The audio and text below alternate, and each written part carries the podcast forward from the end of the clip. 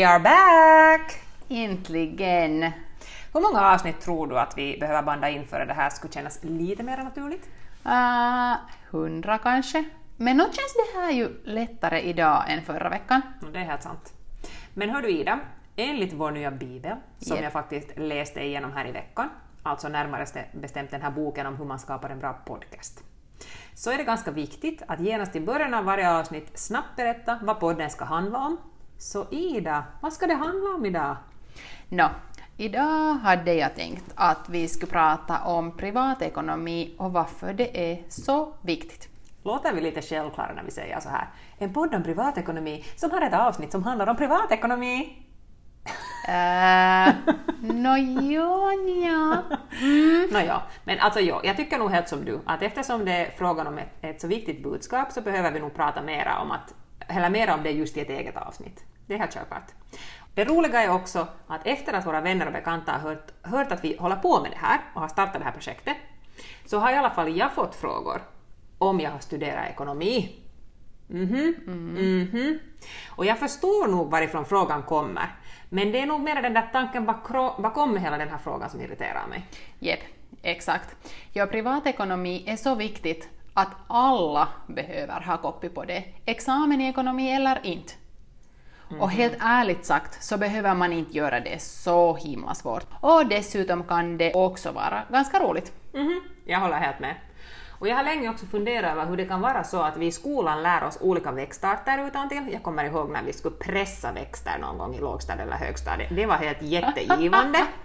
Eller alla Europas huvudstäder. Jag är fortfarande helt usel på geografi.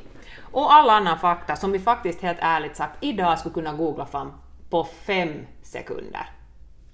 Men sen bara snuddar vi i privatekonomi. Mm, du har helt rätt i det där.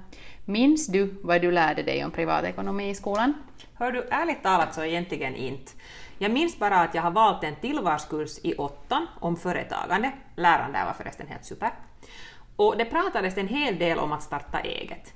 Vilket ju är helt kiva, alltså att starta eget. Alla ungdomar drömmer kanske någon gång om att vara företagare, sisigt och glamoröst. Ja, nåja. Men vi snuddar alltså på de där klassiska ämnena som bokföring, marknadsföring och liknande. Men helt ärligt så var det nog bara en utskrapning. Och ganska mycket har ändrats sedan dess. Jag menar, Instagram och Facebook fanns inte ens då. Och det är ju de enda kanalerna som vi idag har använt för att få ut info om äta, sova, spara. Så kursen skulle inte ha hjälpt mig nu 2019. Hur är det med dig? Jep. Nåja, med mig exakt samma sak här. I grundskolan kommer jag ihåg att vi snabbt gick igenom just de där samma, samma sakerna som du sa, jag menar bokföring och marknadsföring. Men jag tycker att de där ämnen är mer relevanta oh, Oj, sånt ord jag använde. Då man funderar på företag, lanseringen av något nytt eller dylikt. Sådär som äta, sova, spara. Exakt. Men egentligen har det ingenting att göra med ens, priva med ens privatekonomi, eller vad? Nej, jag håller nog helt med. Jep, du behöver nog mera fakta och kunskap om budgetering än om bokföring när du lever ditt liv som 15-åring. Mm, eller ens 20-åring. Mm. Det var nog först efter man gick yrkeshögskolan som jag lärde mig mer om privatekonomi. Och det här var den saken som harmade mig mest, när jag förstod att flera år redan hade gått förbi med sparandet. Hej Ronja, minns du när du första gången blev intresserad av din egen ekonomi, med andra ord, din privatekonomi? Och fint sätt att få in ordet privatekonomi där Ida, bra jobbat! äh, nu ja, alltså när jag flyttade till Åbo och studerade första gången, någon gång back i början av 2000 någonting, 2006 kanske, tror jag. Ja. Och första halvåret så slog det mig ganska hårt det här att nu är jag vuxen och nu måste jag börja bygga upp någonting. Om jag vill så måste jag göra det själv. Jag kommer nog helt som du från en helt vanlig företagar familj och det har från första början varit klart att jag måste stå på egna ben. Men hur är det med dig då? När blev du intresserad av att ta tag i din privatekonomi? Och vad skulle du säga att var din första konkreta handling för att göra det? No, jag har nog samma som du redan sa. När jag flyttade hemifrån och skulle exempel gå till matbutiken, betala el och vatten och allt sånt annat. Mm. Efter att man hade betalat alla obligatoriska kostnader så använde man det som fanns kvar på något onödigt. Nå, kanske man inte kan säga onödigt, för det har ju nog känts, känts viktigt då. Sant. Men så här efteråt när man tänker på det hela så skulle man ju ha kunnat sätta till exempel 10 euro varje månad åt sidan. Mm. Har du något som du ser som ett startskott för en bättre privatekonomi?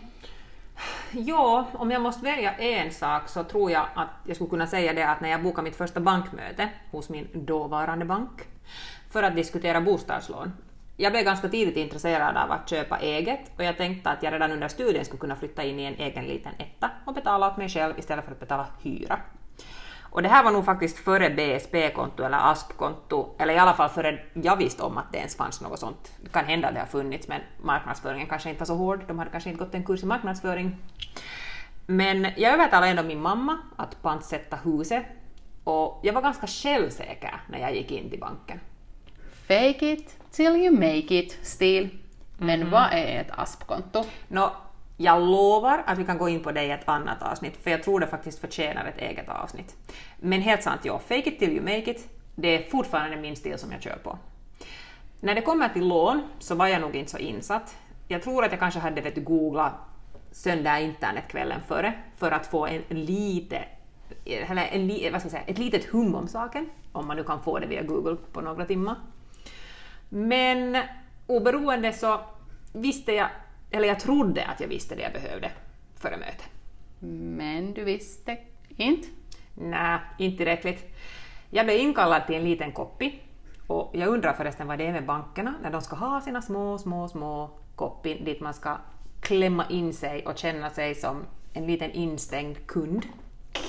Jag vet, det där faktiskt, det där är så sant. Ja, jag minns inte egentligen precis hur det började, men jag berättar nu säkert mitt ärende. Jag hade ju förstås också fyllt i de här härliga siffrorna på nätet som man alltid ska ge före man går på bankmöte, om alla löner och ja, utgifter och hur jag tänker att jag ska klara av att betala ett lån. Nå, personen som tog emot mig, så hon var en medelålders kvinna, eller jag minns henne så. Det kan ju hända att hon kanske var typ 32-35 så som vi är nu. Usch! Nåja, hur som haver. Jag berättade mitt ärende, vad jag ville köpa och vad mina inkomster var och hur panten löser sig och så förväntade jag mig att hon skulle hjälpa mig. Hon skulle vara där för mig. Hej, klassiska tanken om att bankpersonen är din bästa kompis. Mm -hmm. Ungefär så var också min tanke när jag gick in till banken. Plus att man ju klädde upp sig för sitt första möte. Det stämmer, det minns jag. Det var stress vad man skulle ha på yep. sig. Men ja, precis som om det nu egentligen skulle spela någon roll vad man har på sig. I dagens läge så bryr jag nog mig inte ens. Nåja, det kanske nu inte alltså då gick helt som tänkt. Den här medelålders kvinnan, som vi nu kan kalla henne, var för det första jätteotrevlig. Hon behandlade mig som ett litet barn och fick mig snarare att känna mig dum än välkommen. Usch vad tråkigt att höra. Ja, och det är kanske inte bästa sättet att marknadsföra sin bank. Hm. Nåja, dessutom tog hon emot privata samtal under mitt möte. Jag vet inte om det var hennes barn som hade panik i skolan, eller om det bara var en kompis som ringde och frågade om de skulle gå ut och äta samma kväll. Men hon bad inte ens om ursäkt. Och ungefär där, vid det skedet, så förstod jag att det här mötet gick ganska så hårt åt skogen. Äh, jättetråkigt. Köpte du någon lägenhet? Nå, nej. Hade det funnits en podd då om privatekonomi och jag hade lärt mig att det bara är att gå till nästa bank, eller bara be om en ny bankperson, så hade jag nog kanske gjort det. Men tyvärr så blev jag bara ledsen och besviken och så antog jag att alla banker skulle behandla mig på samma sätt, helt som att jag inte skulle vara värd ett banklån, att jag är sämre än alla andra där ute som förtjänar pengar. Mm. Jag har nog exakt samma tankar. Uh, då när jag gick på mitt första bankmöte uh, så skrattade bankpersonalen ut mig från rummet och Usch. sa åt mig att jag ska gå hem och spara i följande tio år och komma sen tillbaka. Hej, det är inte ens tio år sedan det. Ah, Jepp, no, det är sant faktiskt. Mm. Bra point. Men du vet, när man hör något sånt där, man blir bara så ledsen och bitter och är färdig att slänga bort allt som man har. Jag förstår det. Det är det känns bara så tungt att någon människa som du aldrig har träffat tidigare inte ens vill lyssna på din sak. Nåja, till något lite roligare. Yep. Ja, nåja, oberoende. Idag så ser jag på privatekonomi, eller att bygga upp en bra privatekonomi, på samma sätt som att plantera en trädgård. Lite som jag håller på nu när vi bygger hus.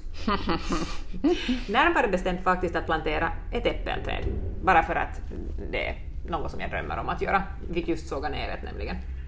Nåja, i början så behöver det här trädet lite extra kärlek, det behöver vattnas, det behöver vårdas och det behöver skyddas mot stormar och gnagare. Och till en början så är det ganska oklart överhuvudtaget ifall det här trädet kommer att överleva. Men efter en tid så kommer den där dagen till slut när du ser att ditt eget träd står där och har blivit stort och starkt och har stadiga och starka rötter och grenarna pekar högt upp mot molnen. Och då kan du bara sätta dig där på en filt under trädet och njuta av alla äpplen i skuggan. Men mitt första bankmöte hade med andra ord kunnat resultera i att mitt äppelträd hade gett lite flera äpplen 2019 än vad det gör just nu. Mm. Men tur så gick vi båda på bankmötet så tidigt. Tänk om vi hade varit 30 och sen dammat av oss ett år eller två före vi fortsatt. Att när man börjar ung så kan man misslyckas, damma av sig och köra igen, för man har tid. Det viktigaste är helt enkelt att ta det där första steget. Precis. Det finns egentligen två saker jag kan säga som är kopplat till det här. Ett, du har säkert hört om, hört om Isabella Löwengrip från Sverige. Yep. Hon hade ett jättebra sommarprat i sommar där hon nämnde just det att om hennes företag misslyckas när det finns folk som skrattar åt henne och tycker att hon borde misslyckas så är det bara som hon dammar av sig och fortsätter för hon är under 30 ännu. Det är en sak. Och det andra är det, det här om att ta det första steget. Jag tror det är Jan Bolmesson som har sagt det i någon av sina poddar. Han är jätteduktig på Excel, något som inte jag är att det finns egentligen flera stadier där det har varit bäst att börja, exempelvis då att investera i aktier eller på börsen överlag. Så det första var typ för 40 år sedan och det andra var för typ 20 år sedan. Nu kastar jag de här numren, det kan hända att det är 41 nu och 21 nu. Vem vet, det är en tid sedan jag lyssnade på det här. Men att det tredje bästa är faktiskt idag. För att gör du det idag så finns det ändå en chans att du får njuta av att din ekonomi blir bättre. Gör du det inte idag så är det oklart när du får börja. Hej, det där var helt jättebra sagt. Det där ska jag komma ihåg. Mm. Det ska man komma ihåg och säga åt alla. Precis.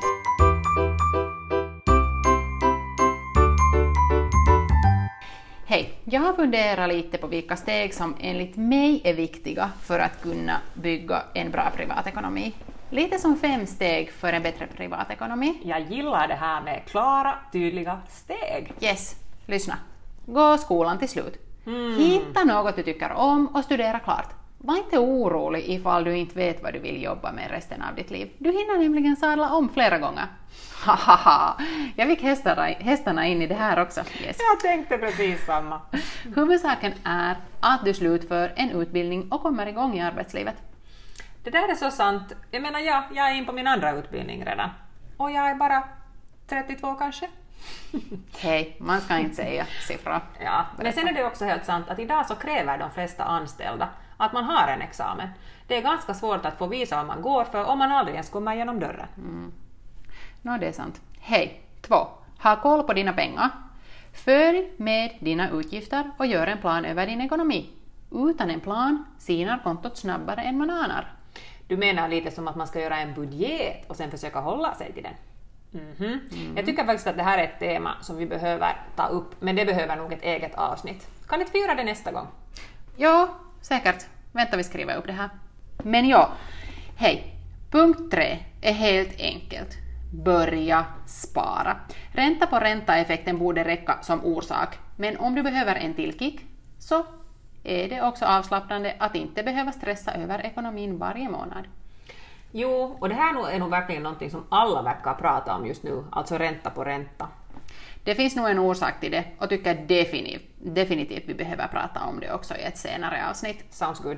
Vi skriver upp det här också. Och hej, nummer fyra. Spendera fiffigt. Det är inte de stora inkomst, inkomsterna utan de små utgifterna. Sök efter bra erbjudanden, jämför dina behov med vad du vill ha och lär dig skilja på dem. Sätt upp långsiktiga mål som du kan påminna dig själv om före du köper något du inte behöver. Det där är ju du expert på. Det är ju du som har lärt mig att Fixuruoka och Matsmart. Att helt enkelt söka bättre deals. Men för mig så handlar det ju om det som du påpekade åt mig, att vad man skulle koka mitt te hemma istället för att jag köper det på ABC på vägen till Åbo. Mm, mm, mm. Och hej, nummer fem, sista. Ta medvetna risker. Dröm stort och våga pröva på nya saker. Var inte rädd för att misslyckas. Men var medveten om att de misslyckanden eller risker du tar på vägen inte hjälper dig. Exakt, det där är helt jättebra. För jag menar, risk är ju en del av livet, man måste våga satsa ibland. Men att man satsar så mycket att man är medveten om att man kan stiga upp därifrån igen. Och risker är nog lättare att ta som ung. Man har så mycket mera tid att få de andra fyra punkterna i skick på nytt före man tar en ny risk. Och helt klart så hade mitt äppelträd igen en gång stått stadigare om jag hade tänkt och levt så här redan efter högstadiet. Mm. Det fina är också att vi idag lever i ett samhälle där inspirationen är lätt att hitta. Det är bara att logga in på Insta, Pinterest eller göra en hederlig Google-sökning på det tema man vill djupdyka i. Att hitta inspirationen är med andra ord inte så svårt. Men att gå fram med saken, ta det till nästa nivå, det är där det stannar. Det är helt sant. Det är lite som mina tiotals försök på att äta mera vegetariskt. Jag har många vänner som inspirerar mig, jag vet att det är bättre för både mig och planeten, men trots att jag har en massa mappar på Pinterest med fina matbilder och goda recept så blir det bara inte av. Maten når aldrig min tallrik. Ronja, baby steps. Varje steg framåt är framåt. Det finns ju en risk i att go all in direkt. Att hoppa till sju dagar vegetariskt i veckan där alla portioner ser ut som instamat är kanske en lite väl hård start. Istället kan det vara bättre att bara komma igång. Göra det till en rutin. Börja med en dag i veckan, en lätt och snabb maträtt. Då blir det mera troligen av. Alltså du menar med andra ord att även här så ligger nyckeln i att komma igång, att ta det där första steget? Jep, exakt. Fast också med spenatsoppa. En gång i veckan. Bara du börjar någonstans så är det lätt, lätt att sedan öka på takten. Nåja, no, mitt mål för inkommande vecka blir väl då helt enkelt att glömma Pinterest och äta fryssoppa. För spenatsoppa har jag nog aldrig lagat förut, så jag tror jag köper den direkt. Men den är helt god så också. Hej, hur blev det förresten med bostaden i Åbosen? Fick du någonsin köpt den? Jo, nu fick jag. Till och med två samma år. Men det är nog sen helt en annan historia och ett helt annat bankmöte i en helt annan bank. Nåja, jag tror vi har gått igenom det som vi skulle komma fram till idag. Tack för att ni har lyssnat. Vi hoppas att ni kan ge oss lite kärlek igen, där poddar finns. Märker du att jag alltid ber om kärlek åt Japp. oss? Det är bra, bra. Lägg gärna också till oss eh, som favoriter, där som ni lyssnar på poddar. Det skulle göra oss lite extra glada, i synnerhet mig. Mig också. Podcasten Äta, sova, spara har bara börjat rulla och vi lovar er flera avsnitt med tips och inspiration för hur du kan ta din privatekonomi till nästa nivå. Oh, det där lät snyggt. Coolt. Precis, men hej, vi hörs igen och då, gör vi, då går vi faktiskt mera in på budgeter och varför just du behöver en. Yes. Hej, ha det bra! Ha det bra! Moi!